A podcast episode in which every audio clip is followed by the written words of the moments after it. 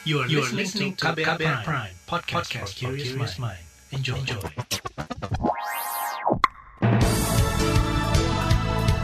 Selamat pagi saudara, senang sekali kami bisa menjumpai Anda kembali melalui program Buletin Pagi edisi Kamis 16 September 2021. Saya Malika.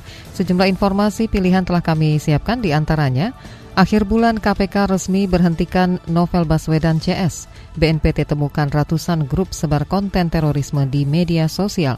Tiga kru pesawat Rimbun Air ditemukan meninggal dunia. Inilah Buletin Pagi selengkapnya. Terbaru di Buletin Pagi. Komisi Pemberantasan Korupsi KPK resmi memberhentikan dengan hormat 50 pegawai pada 30 September 2021. Mereka tidak memenuhi syarat tes wawasan kebangsaan dan dianggap tidak dapat dibina. Pemberhentian kerja itu lebih cepat sebulan dibanding rencana KPK sebelumnya. Wakil Ketua KPK Alexander Marwata mengungkap 50 pegawai KPK itu tidak dapat dilantik karena hasil asesmen TWK yang tidak memenuhi syarat. Dia pun menegaskan seluruh pegawai telah diberikan hak yang sama untuk diangkat sebagai ASN melalui TWK. Terhadap enam orang pegawai KPK yang dinyatakan tidak memenuhi syarat dan diberi kesempatan mengikuti pendidikan dan pelatihan bela negara dan wawasan kebangsaan, namun tidak mengikutinya, maka tidak bisa diangkat menjadi aparatur sipil negara dan akan diberhentikan dengan hormat per tanggal 30 September 2021. Memberhentikan dengan hormat kepada 50 orang pegawai KPK yang dinyatakan tidak memenuhi syarat per tanggal 30 September tahun 2021. Wakil Ketua KPK Alexander Marwata menambahkan pihaknya mengapresiasi dedikasi yang selama ini diberikan oleh puluhan pegawai KPK yang tidak lolos dalam proses alih status pegawai KPK menjadi ASN. Alex meyakini 50-an pegawai KPK itu akan membawa nilai-nilai integritas yang menjadi pedoman pegawai KPK selama ini. Alex pun menyebut di luar KPK masih banyak ladang pengabdian untuk kerja-kerja memberantas korupsi. Wakil Ketua KPK Nurul Gufron membeberkan alasan mengapa 50 pegawai KPK diberhentikan sebulan lebih cepat dari tenggat yang ditentukan. Kata Nurul, KPK mempunyai waktu paling lama 2 tahun sejak Undang-Undang KPK yang disahkan pada 17 September 2019 untuk melantik pegawai KPK menjadi ASN. KPK juga mempertimbangkan dan menunggu hasil uji materi Undang-Undang KPK terkait tes wawasan kebangsaan sebagai syarat alih status pegawai KPK yang bersengketa di MA dan MK. Hal itu guna memantapkan langkah KPK dalam mengangkat dan memberhentikan sejumlah pegawai di KPK yang telah menempuh asesmen TWK. Sebagaimana diketahui, permasalahan ini diadukan kepada lembaga-lembaga negara khususnya yang memiliki kompetensi, yaitu Mahkamah Konstitusi dan Mahkamah Agung. Juga merujuk pada pernyataan saya maupun Pak Alex sebelumnya bahwa kami masih menunggu putusan dari MK maupun MA. MK pada tanggal 31 Agustus sudah memutuskan, lantas Mahkamah Agung pada tanggal 9 September telah memutuskan, dan kami kemudian tidak lanjuti dengan rapat koordinasi eh, dengan pemerintah. Sebelumnya, MA telah memutuskan untuk menolak gugatan uji materi atau judicial review yang diajukan pegawai KPK nonaktif terkait alih status pegawai KPK menjadi ASN melalui mekanisme TWK. MA menegaskan secara substansial peraturan itu telah sesuai dengan Undang-Undang ASN dan peraturan pelaksanaannya. TWK dianggap mekanisme yang objektif untuk mengukur lulus atau tidaknya seseorang menjadi ASN. Sementara itu Presiden Joko Widodo meminta agar persoalan tes wawasan kebangsaan dan hasilnya ditanyakan kepada pejabat yang berwenang, yakni Kementerian Pendayagunaan Aparatur Negara dan Reformasi Birokrasi atau Kemenpan RB. Jokowi meminta agar tak semua masalah dibawa ke hadapannya. Kata dia proses hukum yang berjalan harus tetap dihormati. Dalam pertemuan dengan sejumlah pemimpin redaksi di Istana Negara, Presiden mengatakan alasan ia tidak banyak menjawab desakan publik untuk turun tangan terkait hal ini karena menghormati proses yang masih berjalan di Mahkamah Agung dan Mahkamah Konstitusi. Ketua Yayasan Lembaga Bantuan Hukum Indonesia YLBHI Asfinawati menilai percepatan pemecatan 56 pegawai KPK yang tak lolos tes wawasan kebangsaan pada 30 September mendatang sebagai bentuk keresahan pimpinan KPK semakin lama mungkin mereka berpikir dukungan akan semakin besar. Kemudian ada keputusan politik apa? Jangan lupa sebetulnya Pak Presiden sudah mengatakan jangan ada uh, hal yang membuat kerugian ya. Nah sedangkan uh, darurat pemberantasan korupsi ya itu simbol bahwa KPK ini sudah luluh lantak uh, karena itu perlu ada simbol untuk menampung harapan masyarakat juga sekaligus untuk menunjukkan bahwa ya memang KPK tidak bisa diharapkan lagi. Aswinawati mengatakan KPK saat ini sudah tidak bisa diharapkan oleh masyarakat. Menurutnya kinerja KPK tidak bertaji. Ini terlihat dari sejumlah penanganan kasus yang buntu dan sulitnya KPK menangkap buronan yang telah kabur hingga menahun. Lebih lanjut Aswinawati mengkhawatirkan sepak terjang KPK ke depannya berpotensi disalahgunakan oleh oknum politik untuk menjegal lawan. Sementara itu Koalisi Masyarakat Sipil mendirikan kantor darurat pemberantasan korupsi sebagai bentuk kekecewaan terhadap kinerja KPK belakangan belakangan ini. Kantor darurat ini didirikan secara simbolik di depan Gedung Anti-Corruption Learning Center Kuningan, Jakarta Selatan atau Gedung KPK Lama. Kata Aswinawati, pendirian kantor darurat di depan Gedung Merah Putih KPK merupakan simbol luluh lantaknya lembaga anti rasuah tersebut. Di sisi lain, pakar hukum tata negara Universitas Andalas Ferry Amsari menilai Presiden Joko Widodo sejatinya bisa mengambil langkah bijak dengan mengangkat puluhan pegawai KPK menjadi ASN.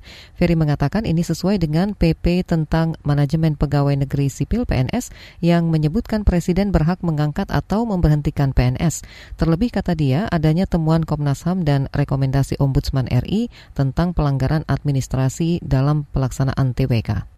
Nah, melihat dari rekomendasi Komnas HAM dan Ombudsman RI uh, terhadap cacat proses penyelenggaraan, baik secara administrasi maupun uh, pelanggaran HAM, mestinya Presiden bisa menyelesaikan dengan mengangkat ketika uh, para pegawai KPK. Selesai urusan, tidak ada keributan begitu.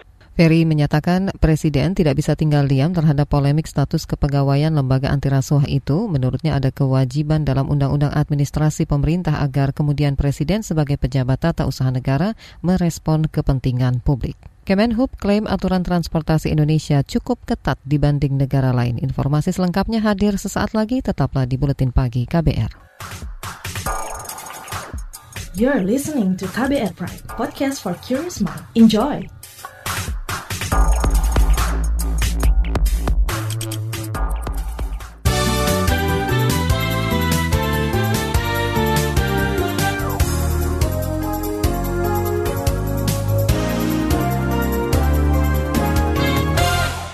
Badan Nasional Penanggulangan Terorisme BNPT menemukan hampir 400 grup di media sosial teridentifikasi menyebarkan paham radikalisme dan terorisme. Kepala BNPT Boy Rafli Amar menyatakan temuan itu didapat dari penangkalan konten radikal terorisme di media sosial. Penangkalan ini kata dia difokuskan pada empat platform media sosial yakni Telegram, WhatsApp, Facebook, dan Tantan. Per Agustus 2021 terdapat 399 grup maupun kanal media sosial yang dipantau dan menempati Telegram menempati jumlah tertinggi dengan mencapai 135 grup kanal Kepala BNPT Boy Rafli Amar mengaku telah bekerja sama dengan aparat penegak hukum terkait untuk menindaklanjut temuan tersebut. Boy mengklaim telah membentuk kelompok kontra propaganda yang ditugaskan membuat konten-konten kontra radikal. Ia berharap konten kontra radikal yang dibuat BNPT dapat menangkal isu intoleran dan radikal terorisme di media sosial. Indonesia memegang peranan penting dalam G20 secara global. Menteri Luar Negeri Menlu Retno Marsudi mengatakan Indonesia sebagai presidensi G20 tidak hanya akan memperhatikan kepentingan negara-negara anggota G20 namun juga akan memperhatikan kepentingan negara berkembang dan kelompok rentan secara global. Indonesia memegang presidensi G20. Indonesia akan memberikan perhatian besar kepada negara berkembang di Asia, di Afrika, Amerika Latin, termasuk negara-negara kepulauan kecil di Pasifik dan Karibia. Kita juga akan merangkul keterlibatan berbagai kalangan, perempuan, pemuda, akademisi, dunia usaha, dan parlemen. Menlu Retno menuturkan dalam konferensi negara-negara G20 tahun 2002 mendatang, Indonesia tidak hanya akan menyoroti soal isu kesehatan di masa pandemi, tetapi juga pembangunan yang berkelanjutan. Dia menambahkan Indonesia turut memberi perhatian agar UMKM dan ekonomi digital bisa sukses menjadi penggerak ekonomi di masa pandemi COVID-19. Lebih lanjut, Indonesia juga mendorong pengakuan atas peran penting dan pemberdayaan tenaga kerja disabilitas dalam dunia kerja. Indonesia akan menjadi presiden presidensi G20 tahun 2002 selama satu tahun ke depan atau mulai periode 1 Desember 2021 hingga 30 November 2022. Pemerintah memastikan peraturan soal keamanan transportasi di masa pemberlakuan pembatasan kegiatan masyarakat PPKM cukup baik dibanding negara lain. Juru bicara Kementerian Perhubungan Adita Irawati mengatakan peraturan sektor transportasi tidak banyak mengalami perubahan dalam kurun waktu sebulan terakhir. Dan kalau berbicara bagaimana uh, perbandingannya dengan negara lain, sebenarnya kalau mau dibilang nih Mbak Ovi, peraturan di negara kita ini termasuk yang cukup ketat karena selain vaksinasi juga sudah mulai di, uh, sudah diterapkan hasil tes baik itu yang menggunakan antigen maupun PCR. Di negara-negara yang lain dengan karakteristik yang hampir sama, dengan jumlah penduduk yang juga besar, dengan uh, negara yang juga berkepulauan, rasanya uh, hasil atau screeningnya tidak seketat di Indonesia. Anita menuturkan rujukan paling utama adalah instruksi Mendagri dan setiap pekan selalu ada evaluasi terkait penerapan PPKM di lapangan. Menurutnya instruksi Mendagri selalu menjadi rujukan bagi semua kementerian dan lembaga untuk melakukan penyesuaian. Adita menambahkan dalam kurun waktu sebulan terakhir, tren kasus positif COVID-19 cukup membaik. Ini menegaskan bahwa aturan PPKM sektor transportasi berjalan cukup baik di lapangan. Lembaga Studi dan Advokasi Masyarakat ELSA menyoroti ketidakjelasan panduan dan mitigasi risiko kebocoran data masyarakat di dalam aplikasi digital milik pemerintah maupun swasta. Peneliti ELSA, Cheviera dan Madiah mengatakan, belum adanya undang-undang yang mengatur soal perlindungan data pribadi menyebabkan banyak kementerian atau lembaga maupun swasta kebingungan dalam menerapkan pakem aturan soal keamanan data. Nah sebenarnya ini juga menjadi satu hal ya terkait dengan bagaimana sih sebenarnya uh, pengaturan dari apa yang disebut dengan data pribadi juga sebenarnya. Kita mungkin bisa melihat juga bahwa saat ini ternyata masih terdapat banyak sekali hal yakni 46 uh, peraturan undang-undangan yang masih mengatur terkait dengan pelindungan data pribadi itu sendiri. Dan mungkin pada titik atau degree tertentu perusahaan yang kadang mengurus itu kadang juga bingung nih aku tuh harus patuh ke mana ya gitu. Jangankan uh, perusahaan, bahkan juga mungkin kementerian juga seperti itu gitu. Cheviera menuturkan pemerintah perlu segera mengeluarkan aturan yang berkaitan dengan ketertiban administrasi keamanan data digital. Pasalnya data masyarakat harus terjamin dan dilindungi lantaran integrasi dalam aplikasi sangat rentan untuk diretas maupun disalahgunakan. Sebelumnya, VPN Mentor menyebut telah terjadi kebocoran data elektronik Health Alert Card atau e-hack di aplikasi Peduli Lindungi.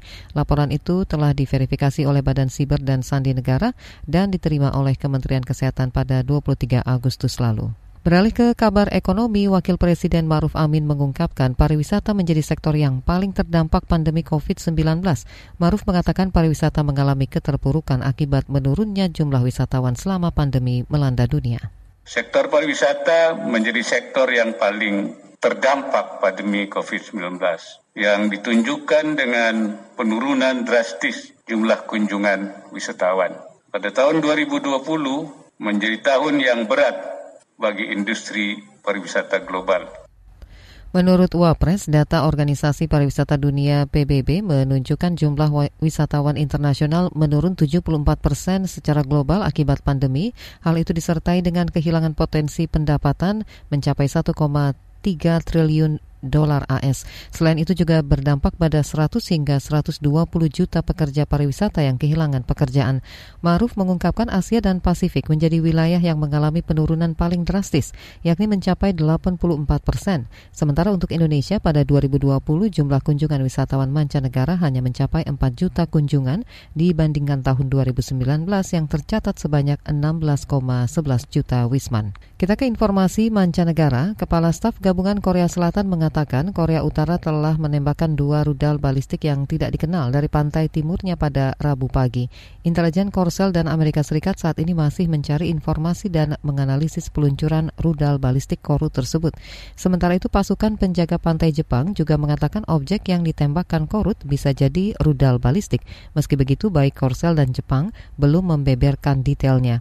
Dikutip dari CNN, Korsel mengatakan terus memantau ketat gerak-gerik militer Korut sambil terus bekerja sama dengan AS menyiagakan kesiapan pertahanannya.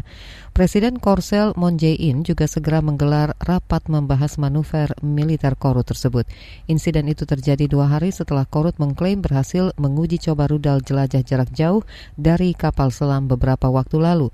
Negara pimpinan Kim Jong-un itu menyebut rudal penjelajah ini sebagai senjata strategis yang penting.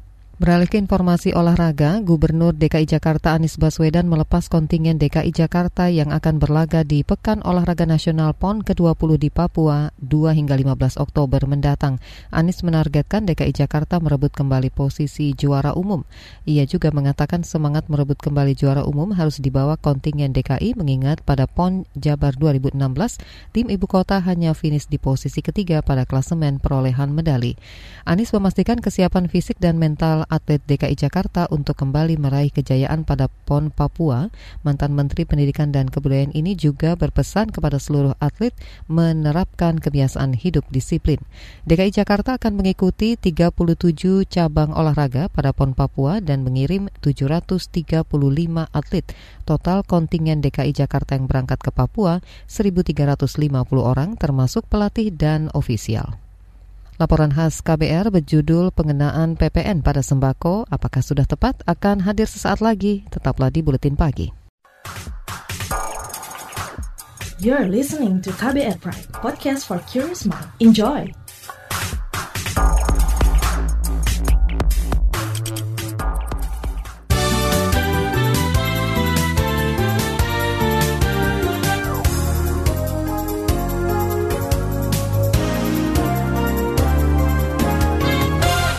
Anda masih menyimak buletin pagi KBR. Saudara pemerintah berencana melanjutkan wacana pengenaan pajak terhadap barang kebutuhan pokok atau sembako. Menteri Keuangan Sri Mulyani sepakat menindaklanjuti rancangan undang-undang tentang perubahan klima atas Undang-Undang Nomor 6 Tahun 1983 tentang ketentuan umum dan tata cara perpajakan. Tepatkah kebijakan ini diambil di tengah kondisi pandemi? Apa pertimbangan pemerintah? Simak ulasan yang dibacakan jurnalis KBR Sindu Darmawan. Rencana pengenaan pajak terhadap barang kebutuhan pokok sembako diungkapkan Menteri Keuangan Sri Mulyani dalam rapat kerja bersama Komisi Bidang Ekonomi dan Keuangan DPR pekan ini. Bendahara negara mengatakan pajak sembako akan dicantumkan dalam rancangan undang-undang tentang perubahan kelima atas undang-undang tentang ketentuan umum dan tata cara perpajakan atau undang-undang KUP. Sri Mulyani menegaskan perubahan objek PPN hanya akan dikenakan bagi masyarakat yang mampu, sementara bagi masyarakat yang kurang mampu akan mendapat kompensasi melalui subsidi. PPN atas barang kebutuhan pokok, jasa kesehatan, dan jasa pendidikan harus diperjelas pengaturannya sehingga tidak membebani masyarakat kebanyakan yang berpenghasilan rendah terlebih-lebih dalam situasi kondisi pandemi COVID-19 yang diterapkan juga secara terbatas. Ini dikenakan pada barang kebutuhan pokok tertentu yang dikonsumsi oleh masyarakat berpenghasilan tinggi dan tentu ini nanti akan dibuat kriterianya. Menurutnya, pengaturan PPN bertujuan menciptakan keadilan di mana barang yang tidak masuk ke dalam tidak kena pajak atau TKP maka akan diubah menjadi kena pajak seperti barang kebutuhan pokok, jasa pendidikan, dan jasa kesehatan. Ia mengklaim saat ini adalah waktu yang tepat memperbaiki dan mereformasi sistem perpajakan di Indonesia. Kata dia, perlu reformasi perpajakan yang adil, sehat, efektif, dan akuntabel untuk membangun basis pajak yang luas dan kuat. Keberhasilan reformasi pajak sangat ditentukan dukungan politik DPR dan partisipasi segenap lapisan masyarakat. Namun anggota Panja RUU KUP, Komisi Bidang Ekonomi dan Keuangan DPR, Eki Awal Muharram, menyatakan fraksi PKS menolak penerapan PPN atas barang kebutuhan pokok atau sembako. Menurut dia, kelima rencana perluasan basis pajak tersebut merupakan hak dasar seluruh masyarakat. Terlebih, faktanya penerimaan PPN disumbang dari konsumsi masyarakat yang justru kebanyakan datang dari masyarakat kalangan ekonomi miskin dan menengah sehingga rencana tersebut justru dikhawatirkan akan jadi beban masyarakat. Dan isu perpajakan yang di publik, yang tertangkap oleh publik, justru bukan dalam konteks melakukan transformasi dan perbaikan sistem perpajakan kita, dimulai dari regulasi, administrasi perpajakan, dan sistem lainnya yang terbangun di dalam sistem perpajakan kita, tetapi yang terjadi adalah sesuatu yang sungguh-sungguh menusuk perasaan kita ketika di tengah pandemi ada gagasan untuk mengenakan PPN atas kebutuhan pokok. Eki menuturkan pengenaan PPN sembako di tengah pandemi dinilai melukai perasaan rakyat kecil. Pasalnya, pengenaan ini justru mempertegas perluasan pajak untuk sembako semakin tidak relevan. Ia mencontohkan penerimaan PPH orang miskin menengah seperti karyawan dan buruh yang tercermin pada pos PPH pasal 21 justru lebih banyak dibandingkan PPH orang pribadi yang merupakan representasi pajak orang kaya. Sementara itu, kontribusi PPN tersebut malah tidak tercermin pada realisasi penerimaan pajak penghasilan atau PPH. Penolakan juga disampaikan Yayasan Lembaga Konsumen Indonesia YLKI. Ketua Pengurus Harian YLKI Tulus Abadi mengatakan, secara prinsip YLKI menolak aturan tersebut. Ketika kami dipanggil DPR Komisi 11 itu kami eh, YLKI menolak adanya PPN sembako secara umum, apalagi kalau itu diterapkan di sembako yang dikonsumsi oleh rakyat banyak, misalnya pasar tradisional ataupun di untuk di warung-warung begitu. Sekalipun hanya diterapkan satu persen. Menurutnya, pemerintah mestinya lebih kreatif untuk mendorong pendapatan negara lewat pajak ataupun cukai. Tulus menyarankan pemerintah melakukan intensifikasi pajak atau ekstensifikasi pajak untuk objek yang belum dikenai tapi tidak dikonsumsi masyarakat menengah bawah. Semisal, menaikkan cukai rokok secara signifikan jika tujuannya untuk meningkatkan pendapatan negara.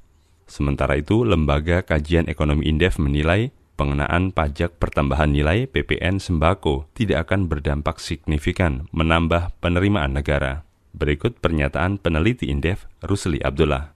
Di tahun 2020, potensi sembako kita itu 21,1 triliun, lebih besar dibandingkan dengan potensi 2019 sebesar 16,18 triliun.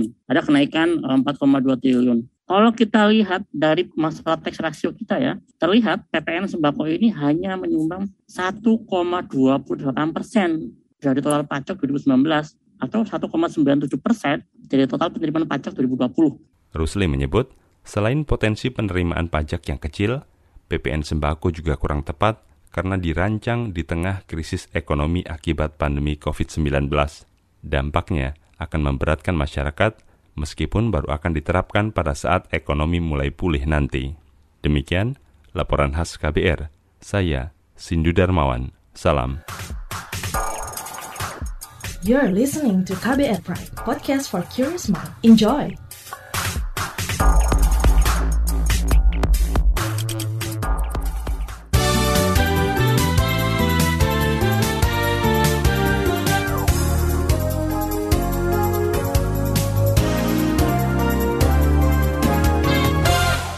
Kita sampai di bagian akhir buletin pagi. Saudara Kapolres Intan Jaya Sandi Sultan menyatakan tiga kru pesawat Rimbun Air PK OTW yang jatuh di Bilorai Distrik Sengapa Kabupaten Intan Jaya Papua ditemukan meninggal dunia. Sandi memastikan tim evakuasi gabungan akan terus berusaha mengevakuasi jenazah para korban yang merupakan kru dari Rimbun Air. Pesawat ini dipiloti Mirza dan Fajar sebagai kopilot membawa Iswahyudi selaku teknisi. Pesawat yang membawa bahan bangunan itu lepas landas dari Bandara Nabire. Kita ke Solo, pemerintah Provinsi Jawa Tengah mengklaim sudah memberikan sanksi administratif administratif kepada 63 perusahaan yang mencemari Sungai Bengawan Solo. Pelaksana tugas Dinas Lingkungan Hidup Jawa Tengah Widi Hartanto menjelaskan sanksi diberikan sejak satu tahun terakhir. Jenisnya mulai dari peringatan perbaikan instalasi pengolahan limbah atau IPAL hingga penutupan sementara. Empat di antara perusahaan terancam pidana penjara. Puluhan perusahaan yang mencemari Sungai Bengawan Solo berasal dari klaster industri tekstil di Klaten, Sukoharjo, dan Karanganyar. Kami sudah lakukan pengawasan cukup banyak sebenarnya. Kira-kira ya 63 perusahaan kami yang awasi. Kalau yang masih melang. Itu tadi pelaksana tugas Dinas Lingkungan Hidup Jawa Tengah Widi Hartanto. Dan informasi tadi menutup jumpa kita di Buletin Pagi hari ini. Pantau juga informasi terbaru melalui kabar baru situs kbr.id, Twitter kami di akun @beritaKBR serta podcast di alamat kbrprime.id. Akhirnya saya Malika bersama tim yang bertugas undur diri. Salam.